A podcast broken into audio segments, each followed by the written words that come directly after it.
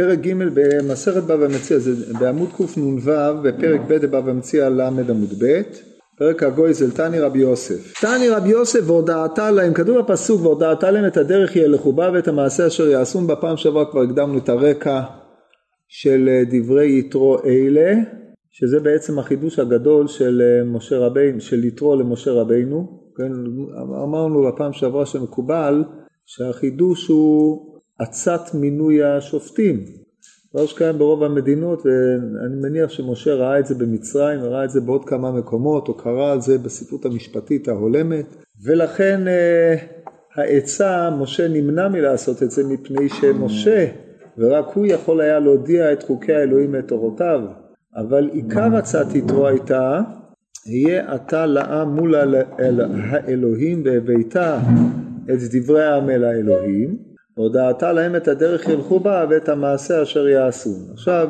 כמו שאמרנו החידוש שיהיה אתה לעם מול האלוהים, זה החידוש הגדול, זאת אומרת תייצג את העם כלפי השם. על ידי כך משה רבינו עליו השלום מקבל תפקיד כפול. הדבר השני הוא אמ, מה שהוא אומר והודעתה להם את הדרך ילכו בה ואת המעשה אשר יעשו אשר לכאורה מה יקרא משמלן ברור זה בשביל זה משה רבינו קיבל את תפקידו ולכן חז"ל דרשו את הפסוק הזה על איזשהו עניין חידושי, זאת אומרת לא רק שאתה מודיע להם את חוקי האלוהים ותורותיו, אלא יש אה, עניין נוסף שאתה צריך להודיע להם וזה מה שדורש רב יוסף בגמר בבא מציע, והודעת להם את הדרך, אז יש פה דרשה שהיא אה, כדרכי הדרשות, הודעת להם את הדרך ילכו בה ואת המעשה אשר, אשר יעשון, חילקו את הפסוק הזה לחלקים וסמכו לכל חלק איזשהו עניין. הודעתה להם זה בית חייהם. המהר"ל בהמשך יסביר איך בית חייהם נגזר מ"והודעתה להם מה עניין זה אצל בית חייהם וגם מה זה בית חייהם. את הדרך זה גמילות חסדים, אשר ילכו זה ביקור חולים, בה זו קבורה, ואת המעשה זה הדין. אשר יעשון זה לפנים משורת הדין. עכשיו אתם מבינים שאי אפשר שכל אה, דרשה תעמוד לעצמה, אין משמעות למילה יעשון זה לפנים משורת הדין, או את המעשה זה הדין, מפני שאת המעשה מה? עכשיו ברור שמעשה עושים, אז לכן איך שלא יהיה, יש פה איזשהו איתור בפסוק, את המעשה אשר יעשו, מי, מי לא יודע שאתה צריך להודיע להם את המעשה בכדי שיעשו אותו, אז עדיין היה לומר והודעת להם את המעשה. או הודעתה להם מה עליהם לעשות, את אשר יעשון. ולכן יש פה כמה וכמה ייתורים ודרשות שמכוחם דרשו חז"ל מה שדרשו, וצריך לראות איך כל חלק מתאים ללשון הנדרשת. בהקשר דנן, הרמב"ם בספר המצוות מביא את שיטת בהאג, שעל בסיס הפסוק הזה מנע ביקור חולים, קבורת מתים, כמצוות בפני עצמם. והרמב"ם חלק עליו, הוא כלל את כולם במצוות ואהבת לרעך כמוך בהלכות אבלות, וחלק גם על צורת הפרשנות הזאת שממנה אפשר לגזור מצוות, מפני שאין ספק שהדבר הזה הוא אסמכתא בעלמא, כי הקורא את הפסוק לפי פשוטו לא יראה לא גמילות חסדים ולא אמ, קבורת מתים ולא כל שאר מה שראו בפסוק, ולכן אה, הדבר הזה הוא דרך דרשה. אבל לכשדרשו את זה חכמים אנחנו צריכים לראות איך הדבר הזה נתמך ונסמך אל הפסוק. ממשיכה הגמורי ואומרת המרמר אשר ילכו זה ביקור חולים. זאת אומרת לאחר שכתוב והודעתה להם זה בית חייהם. את הדרך זה גמילות חסדים. לא קל להבין שביקור חולים וקבורה הם אה, כלולים בגמילות חסדים. אז בשביל מה הכתוב מפרט אותם בפני עצמם? הרי גמילות חסדים הוא כלל שמתפרט להרבה פרטים, כמו שראינו בפסקאות הקודמות, ומשום מה בחרו לפרט פה את אה, ביקור חולים וקבורה. אז אחד מן השניים, אם ביקור חולים וקבורה הם גמילות חסדים, אין טעם לפרט אותם, כי גמילות חסדים ככלל כולל את פרטיו, ואם הם לא, אז מה הם, או למה, על יסוד מה הם, אה, הם דווקא נבחרו להיות מתוארים בפסוק. הגמרא הניחה כדבר פשוט שביקור חולים וקבורת מתים הם גמילות חסדים, הדבר הזה גם מובן בחוש, לא צריך להעריך בזה. אם כן, למה הם נפרטו? אומרת הגמורה, היינו גמילות חסדים, תרץ הגמרא לא נצרכה אלא לבן גילו. זאת אומרת, אתה לא הולך לבקר מישהו שהוא, שאתה יכול לעזור לו, לא, מישהו שהוא חולה, בן גילו. אומרת דאמר מר ואז מה התועלת? דאמר מר בן גילו נוטל אחד משישים בכל יום ואפילו האחי מביילה למייס על גבי זאת אומרת זה שהוא נוטל אחד משישים בכל יום זה התרומה שהוא תורם בזה שהוא הולך לבקר אותו זה לא אדם שהולך לבקר חולה שעל ידי זה שהוא יבקר אותו הוא יוכל לעזור לו, יוכל לעשות איתו יותר משהו, אף על פי כן הוא צריך ללכת לבקר אותו. קבורה, היינו גמילות חסדים. מתרץ את הגמר לא נצטרך אלא לזקן ונע לפי כבודו. שזקן ונע לפי כבודו הרי פטור מכמה וכמה דברים, כמו שדרשו על הפסוק והתעלמת כי תראה את שור אחיך או את ציון נידחים והדרך לא, והתעלמת מהם לא תוכל להתעלם והתעלמת אומרת הגמורה בסוגיה קודם לכן פעמים שאתה מתעלם ופעמים שאי אתה מתעלם זקן מנה לפי כבודו כהן בבית קברות ועוד אה, סדרת מקרים. וכמה שמלן שאף על פי שזה לא מכבודו של הזקן להתעסק בקבורת אותו מאן דהוא אפילו אחי מהלכות גמילות חסדים הוא צריך לעשות את זה. זאת אומרת מדין גמילות חסדים כשלעצמו הוא פטור מזה. זה לא לפי כבודו. באו ואמרו כן נכון אבל יש עניין מיוחד שתקבור אותו היינו גמילות חסידים ונצרני לזקן ואינה לפי כבודו. אשר יעשון זו לפנים משורת הדין. ואמר רבי יוחנן, זאת אומרת מה העניין בלעשות לפנים משורת הדין?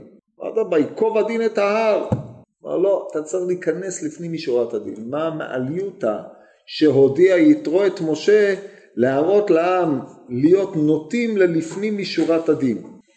אומרת הגמורה דאמר רבי יוחנן לא חרבה ירושלים אלא על שדנו בדין תורה, כן משפט כשלעצמו תמוה ביותר, שואלת הגמרא על זה דין תורה?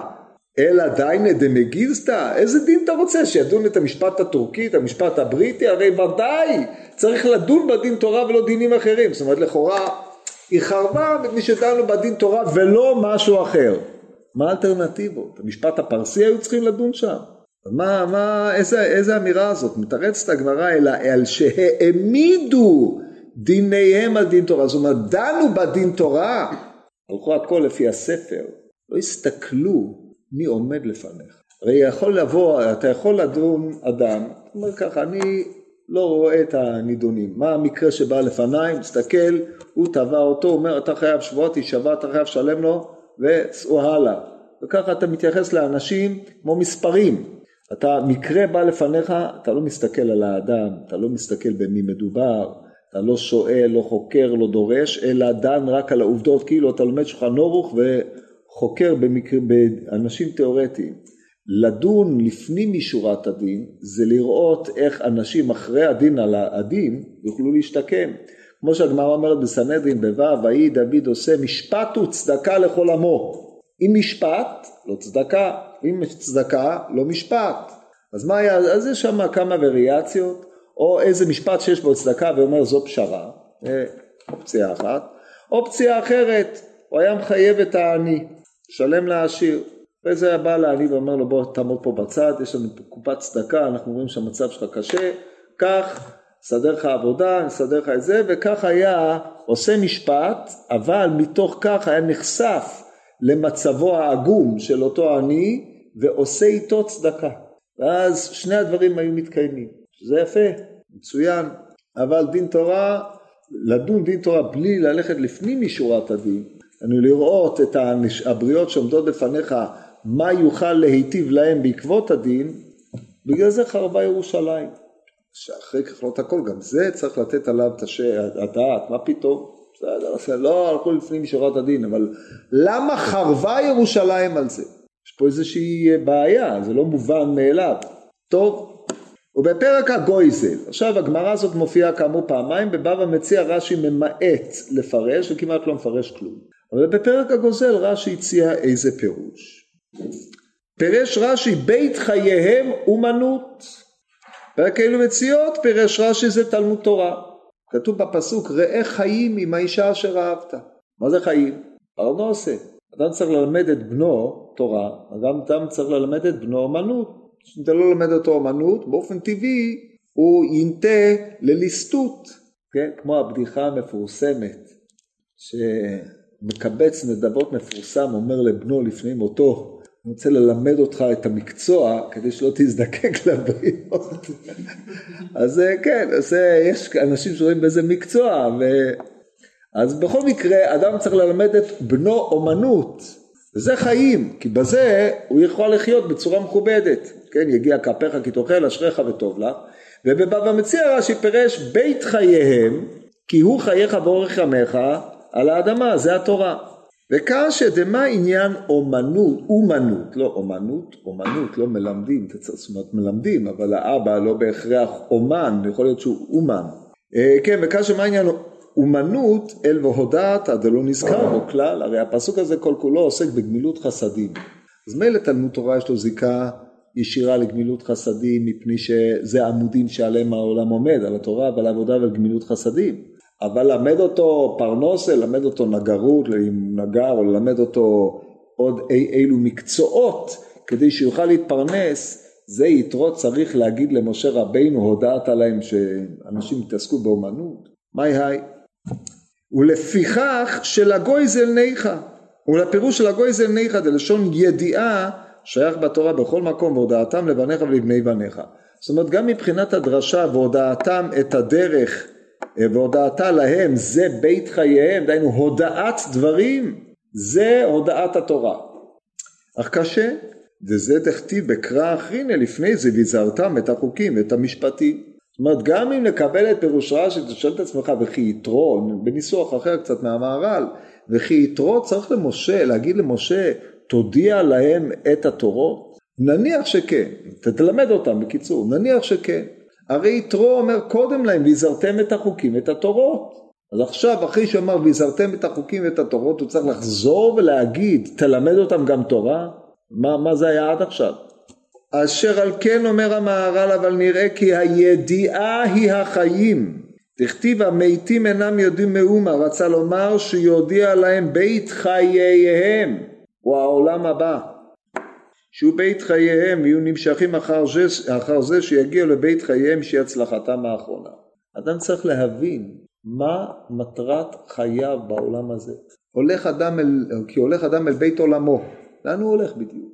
או כמו שאמרו חז"ל, הגמרא בברכות בי"ז, כי הווה מפטרי אה, בני יבנה, מה הם אומרים? אחד, אחד מהדברים היו אומרים עולמך תראה בחייך.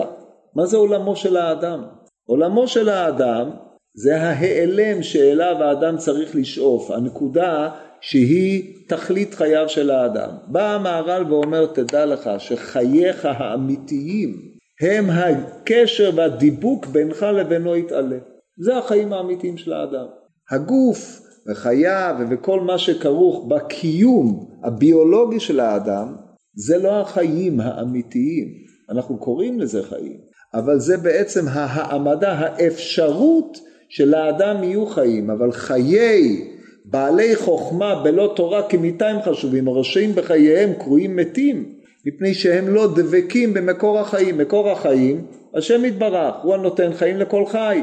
אבל החיות שהאדם מישראל יש בו, היא החיות של החלק האלוקי הטבוע בו. כן, ויפח באפיו נשמת חיים ויהי אדם לנפש חיה והחיים האמיתיים הם הדבקות של האדם בהשם מתעלה שהיא הולכת ומתעצמת כאשר האדם נפרד מגופו. וכלשון הרמב"ם ב... בהקדמה לפירוש המשנה במותו של רבינו והיה מיתה ביחס אלינו וחיים ביחס אליו שנתעלה. או כמו שכתוב בגמור בבסיס הגמר מסכת סוטה בי"ג שמשה רבינו מת? לא, משה רבינו עלה ומשמש במרום. אז פה היה, בא יתרו ואמר אתה צריך להעמיד את עם ישראל לפני המהות האמיתית של החיים. המהות האמיתית של החיים זה הדבקות בבורא יתברך שמביא אותנו לידי עולם שכולו טוב, עולם שכולו ארוך. עולם הבא. אלא שבעולם הזה אנחנו עדיין האורגן הנפשי או מה שדבק בו יתברך יש בו גם צד יצרי, צד דימויי, צד של דמיון, והצדדים שמסיחים את האדם מעבודת השם, לכן צריך להודיע להם את זה כדי שיתכווננו לאותו עניין, ככה מפרש המהר"ל. אז זו נקודה ראשונה. ויש לדקדק כי זכר שלוש מדרגות. גמילות חסדים. האחד גמילות חסדים, השני ביקור חולים, והשלישי הוא קבורה. למה? עכשיו כבר אמרנו ששני הדברים הללו כלולים בגמילות חסדים, אז הגמרא ראתה רבותא, הוציאה את ביקור חולים בכלל גמילות חסדים בבן גילו, והוציאה את קבורה בכלל בגמילות חסדים לזקן ונע לפי כבודו. אף על פי כן זה שהגמרא בחרה לפרט את שלוש המדרג, שלוש המדרגות הללו ולא עניינות אחרים, אומר דור שני וזה מה שהמהר"ל הולך להסביר. האחד, שהוא מיטיב לאחר דרך חסד, זה גמילות חסדים. השני, כאשר הוא מסוכן והגיע לשערי מוות ועושה לו טוב, וזה יותר ממה שהוא משאיל כליו לאחר דרך חסד. כי אין זה הכרחי לו כמו מי שעושה טוב למישהו חולה ומסוכן שהוא צריך לזה. והשלישי, כאשר הוא מת, והוא עושה לו גמילות חסדים בקבורה, שזה דבר הכרחי. כי החולי גם כן אינו הכרחי לגמרי כמו שהוא הקבורה, שהוא בוודאי הכרחי. והנה ביקור חולים הוא כמו ממוצע שאינו הכרחי לגמרי. זאת אומרת פה המהר"ל משתמש בחלוקה מפורסמת בין דבר שהוא בכירי הכרחי ומצב ביניים בין הבכירי להכרחי.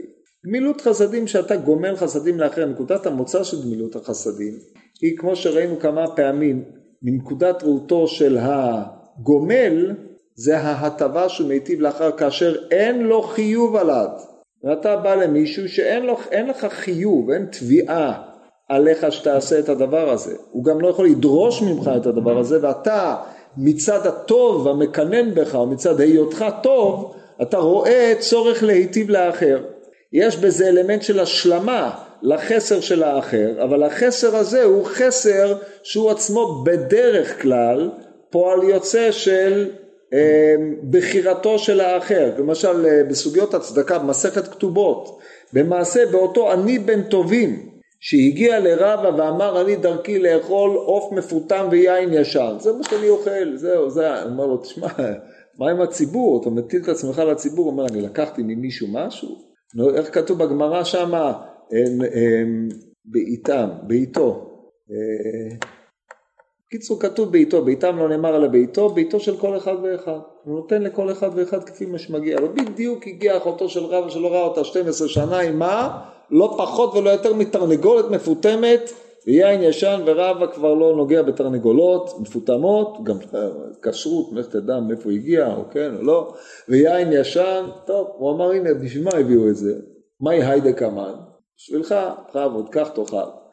אבל מי הרגיל אותך לאכול תרנגולות מפותמות, או אותו סיפור קודם לכן עם רבי נחמיה, שגלגל עמו בעדשים ואז הוא מת, אוי לו לזה שהרגו נחמיה, לא אוי לו לנחמיה שהרגו לזה, אוי לו לזה שהרגו נחמיה, מה אתה אוכל בשר שמן? תסתפק במועט, לא, אני בלי זה לא יכול, טוב זהו, אז הוא הביא את זה על עצמו.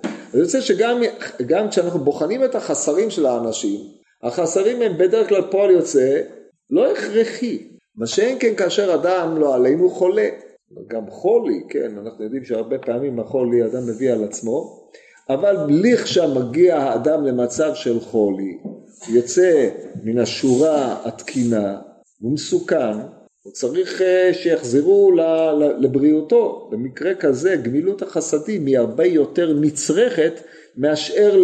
מאשר להשאיל למישהו אחר משהו שאין לו כי הוא צריך כלי זה או כלי אחר.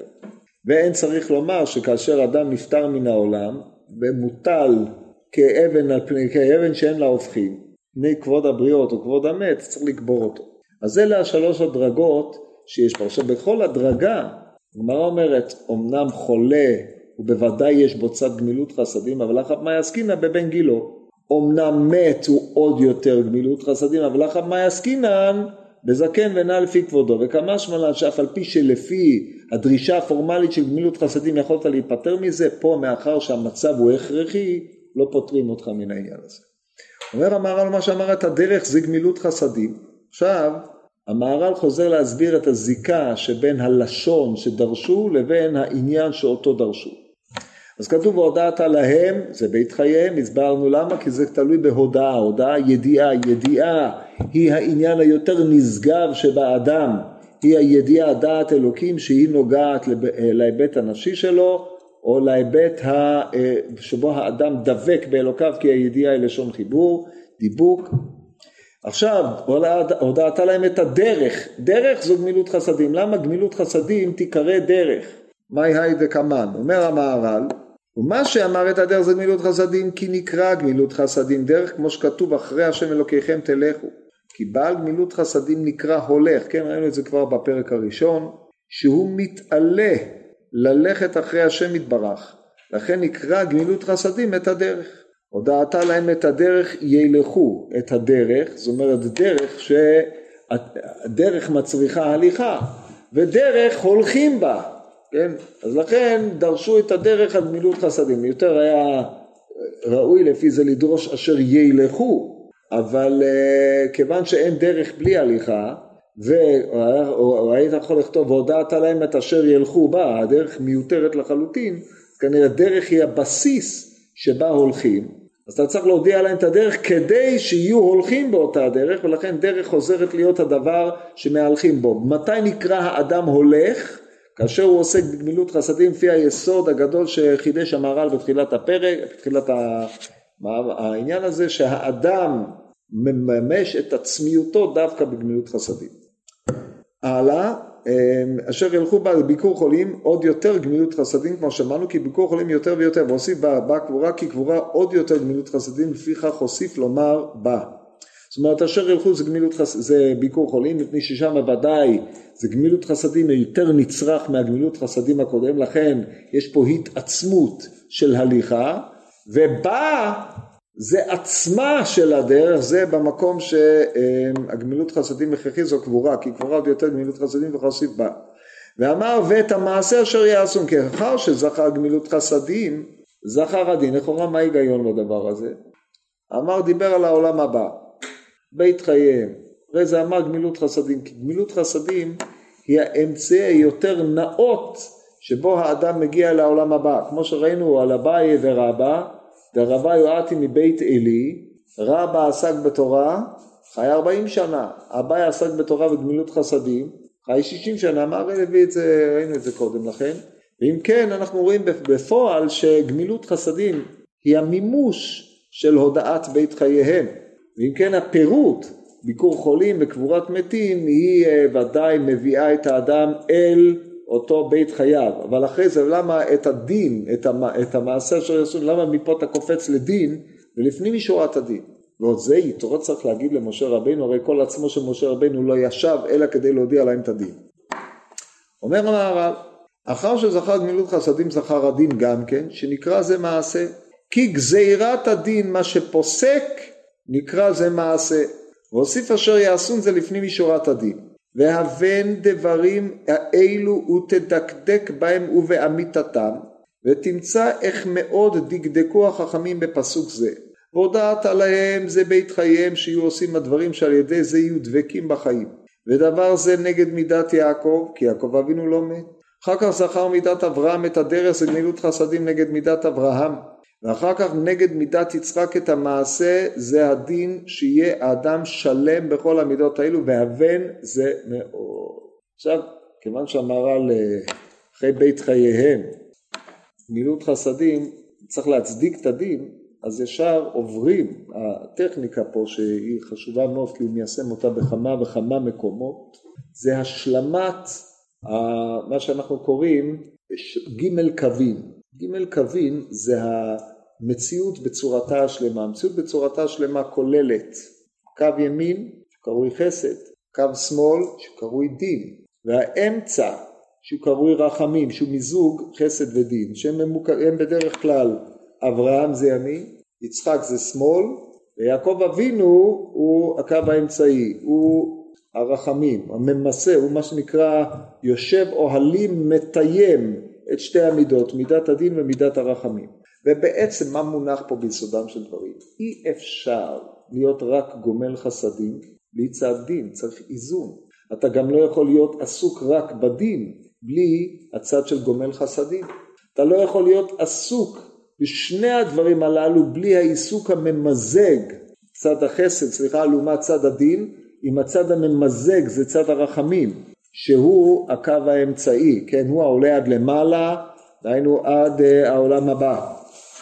זה האופן שבו המהר"ל תופס את הדברים בהקשר דנן. אז יש לנו את אה, שלושת המניינים הללו, ולכן אומר המהר"ל, כשבא אה, יתרו בעצת יתרו, אז הוא בא ואמר למשה, חוץ ממה שאתה מלמד אותם, אתה צריך ללמד, חוץ מהעובדות והפרטים, אתה צריך להודיע להם את, את האופנים בהילוך במידת האבות אברהם, יצחק ויעקב, כדי שהם כולם יזכו לחיי העולם הבא.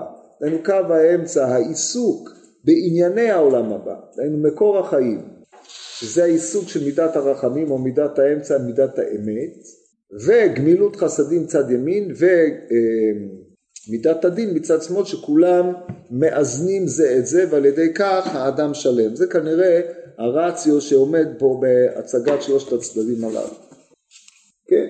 וזה אתם רואים, זה כתוב פה שיהיה אדם שלם בכל המידות האלה, והבן זה מאוד, זה, זה ברור, זה מודל קלאסי שהמר"ם משתמש בו, ותמיד אה, המעבר לאברהם, יצחק ויעקב וג' קווין, מספיק לעניינים. ואמר, עכשיו הוא חוזר לאמר לגמרא, לא נצרה לבן גילו. מהי בן גילו? עכשיו אצל הרמב"ם אין בן גילו, בן גילו בדרך כלל זה בן מצבו, בן, בן מזלו, כן? מה שכתוב בהזמנות של החתונה, כן? בת גילו, כן. בן גילו זה בן מצבו, בן מזלו. מה, הבן אדם בן 40 הלך לבקר בן אדם בן 40, זה מעלה, זה משנה משהו, מה, מה זה שייך? אצל הרמב"ם זה אפילו גדול שמבקר את הקטן, הרבותא, כן? פה אומר המהר"ל ככה, דע כי עיקר ביקור חולים, כי אשר הוא חולה, ואיתרא מזלי, אם הולך בן גילו אליו, ומתחבר אליו, הרי משתתף עמו בחולי, ונוטל דבר ממנו בשביל השיתוף והחיבור הזה. שימו לב למילים איתרא מזל, לא בכדי אמרתי לכם שזה משמעות של בן גילו.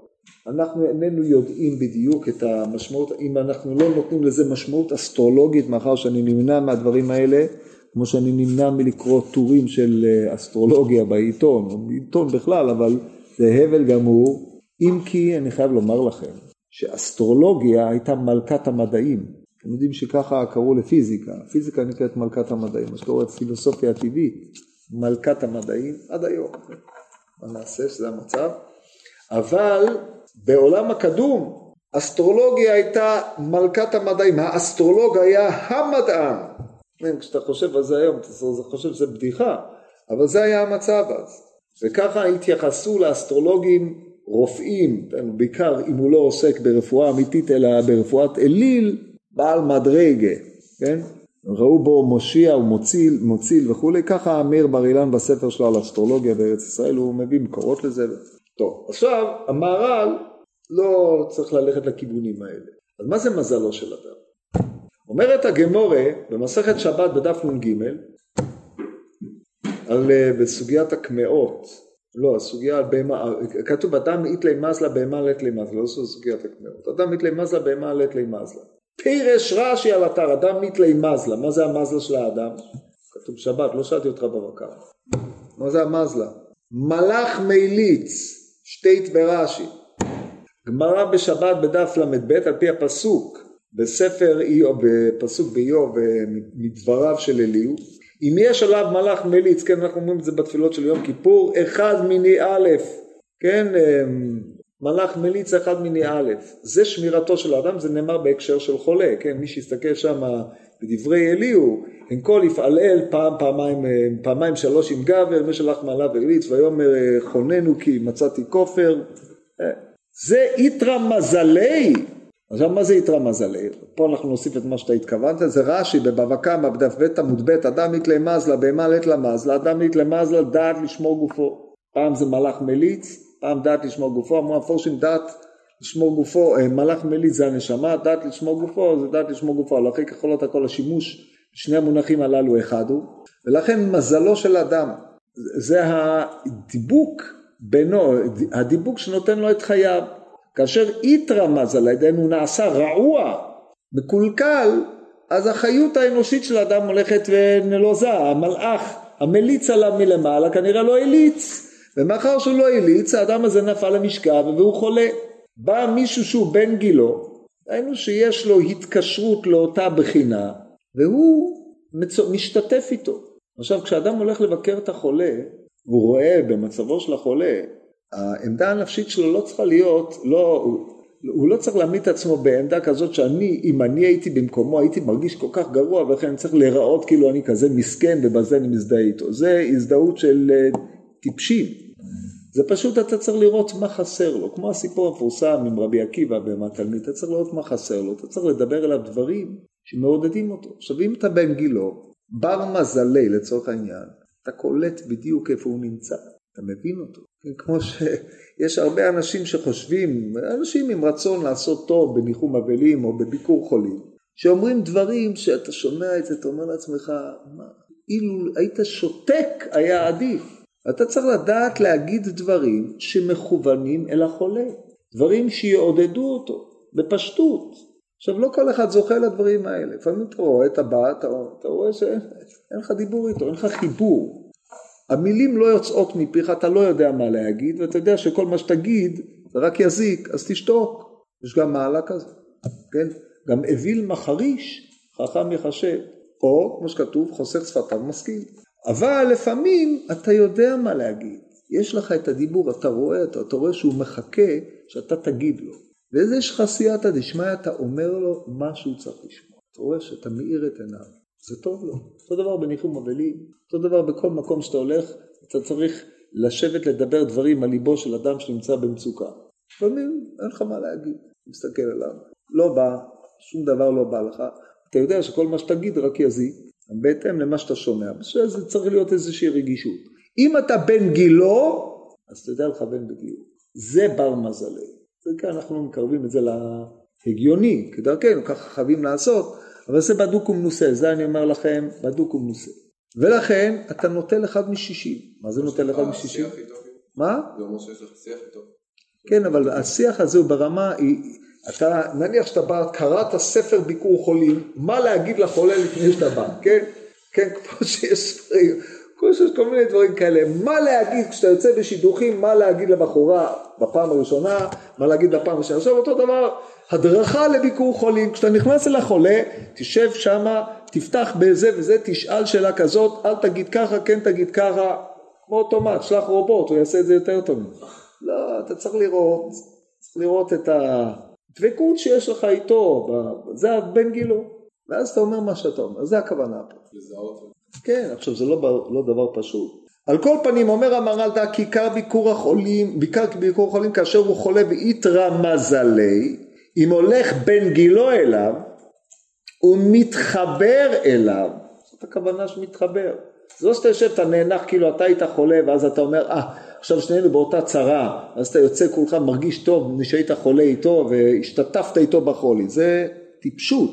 ואותו דבר בכל צרה שיש לך, למישהו ואתה הולך להיות איתו, אל תדמה כאילו הצרה הזאת באה עליך ולכן אתה מעמיד פנים של איזה מסכן ועל ידי זה אתה חושב שניחמת אותו, זה שטות גמורה. אתה צריך לראות את החסר שלו ולהבין מה תוכל לעזור לו, זה המגמה. לא להלביש פני מסכן כדי שגם הוא יצטרך לעודד אותך אחר כך ובבחינת באנו לעודד ויצאנו מעודדים, כן? זה לא המגמה. טוב, ובכל מקרה זה מה שאומר הרמב"ם מתחבר אליו, הרי משתתף עמו בחולי ונוטל ממנו בשביל השיתוף והחיבור הזה. ודווקא עכשיו, אם אתה רופא, או שאתה מבין במצבו, אתה רואה את הבן אדם, יש לו בעיית דופק, יש לו בעיית נשימה, בעיית זה, אתה אומר לו זוזו, תביאו את זה, תביאו לפה את זה, אתה עושה לו כל מיני פעילויות, ואתה מארגן אותו ומטפל בו, אז זה לא, זה גמילות חסדים, אבל אם אתה לא מבין בכלום ברפואה, אתה בא, רואה, יש לו סדרת תרופות, יש לו פה כל מיני אנשים מתעסקים, הוא יושב שם ואתה צריך להגיד לו את מה שאתה צריך להגיד. אז את עצמך, מה אני יכול לעזור? אני יכול לרפא אותו? אני יכול לסייע לו? אני יכול, מה אני יכול לעשות? אומרים לך, אתה, אז אתה שואל את עצמך, בשביל מה צריך ללכת? איזה גמילות חסדים? הבן אדם מוקף, מיטב הרופאים, מיטב האחיות, כל בני המשפחה יושבים אליו, ואתה בא, אז בשביל מה אני בא? אומרים, כן, גם פה יש, לא נצטרך הלאה לבן גילו, בן גילו, אתה יכול להתחבר אליו ולסייע לו סיוע שאף אחד אחר לא יכול לעשות. זה ליטול את אותו אחד משישים. כמובן, אם שישים כמוך ילכו לאליו, אז הוא לא יתרפס, זה איסורייתא דבי רבי, כן, אני מניח שאתם מכירים את זה. טוב, אז הוא נותן דווקא חלק שישים, למה זה חלק אחד משישים? אחד משישים זה קיים ולא קיים, כן, דין ביטול, יש, עניין דף, דף, מעניין, דווקא החלק שישים כי אינו מקבל עיקר החולה, או עיקר החולה, כן, כי כל דבר שאינו עיקר, אחד משישים. אמרו הז"ל חלום אחד משישים מנבואה, ואין כאן מקום זה במקום אחר יתברר, כן, יש אה, יסוד, מהו הביטול אחד משישים, או כאשר יש אה, שישים כנגד אותו דבר, אז הוא בטל. אחד משישים, לא שישים ואחד ואחד, אז זה הקיום המינימלי. כן, יש על זה רמב"ם בפירוש המשנה בפרק שישי של בבא קמא, בהתחלה, כן, אכלה פירות גמורים, גמורים משלמת פירות גמורים, כמה משרים את הנזק בשדה ומשרים באחד משישים של ערוגה, אומר את היסוד הזה. ואמר, טוב אז בזה סיימנו את הבן גילו, לא חרבה ירושלים אליה שהעמידו בה דין תורה. שאלנו מה, מה. מה, למה לא, מה הבעיה? פירוש, נגמור את הפסקה הזאת, נעשה את זה בזריזות. פירוש, אף אגב שהיה להם חטאים אחרים, לא היה בא החורבן, אלא הקדוש ברוך הוא משלם עונש אחר, אם אין לו חטאים אחרים, חטא נענש. אבל כאשר העמידו דבריהם על דין תורה ולא רצו רק בדין, בדין, מזה בא החורבן. אבל סוף סוף היה דין, מה קרה? על ידי מידת הדין שהיה שולט בהם להחריב אותם. כי אם היו עושים לפנים משורת הדין, גם כן הקדוש ברוך הוא היה נושא להם פנים, וכן דרשו רז"ל מסכת ברכות, כתיב אשר לא יישא פנים, וכתיב יישא השם פניו אליך, כן, זו גמרא מפורסמת ברכות, בדף כ עמוד ב', אתה נושא פנים לישראל, איך לא יישא להם פנים, ואני אמרתי להם לברך על, אה, והם מברכים על כזית ועל כביצה, אכלת ושבעת וברכת, כן, ואכלת ושבעת והם דקדקים על כזית ועל כביצה, לפיכך אם היו עושים לפנים משורת הדין, הרי הכתוב אמר, אומר, אני אמרתי עולם חסד ייבנה, במילים אחרות מה שמונח פה ביסוד הדבר, אם אין לך, אם אתה לא נוהג לפנים משורת הדין, לא ינהגו איתך לפנים משורת הדין. כמו שאומרת הגמורה על הפסוק, בגמרא בראש שנה י"ז עמוד א' למטה מהסיפור המפורסם ברבונה בדרשו החלש, על פאפה לשיולי בירדתה כפלי עלמא צביד ולזבת, בסוף הוא חזר והתבייש ממנו, אמר מה, מה קרה? אומר, כתוב, לש... כתוב עובר על, עובר על עוון, אה, נושא עוון ועובר על פשע. ומי עובר על פשע? מי שמעביר מידותיו, מעבירים לו על כל פשעיו. עלייה וקוץ ועל שארית נחלתו מי ששם עצמו כשיריים. אלה שני, שתי הדרישות. אבל כל פנים, תנאי הכרחי זה מעביר על מידותיו. אם אתה מעביר על מידותיו לא יתקדקו איתך בדין. היי תגידו, לקטה מידת הדין? לא, לקטה, איך לא? זה לא ענייננו עכשיו. הרי זה הכתוב, אומר אמרתי עולם חסד ייבנה ומדבר זה עצמו יש ללמוד גם כן כי הרחקת החסד הוא חורבן העולם. מה שמונח פה, אני אתן לכם להרהר בזה הרבה, זה שאם אין חסד העולם חרב, כי הוא בעצם חייב. כדי להבין את הדבר הזה היטב מאוד מאוד, בקצרה תהיינו ברמב"ם פרק ג' מלכות תשובה הלכה ד', טוב טוב ולפיכך. שלכם גמר חתימה טובה.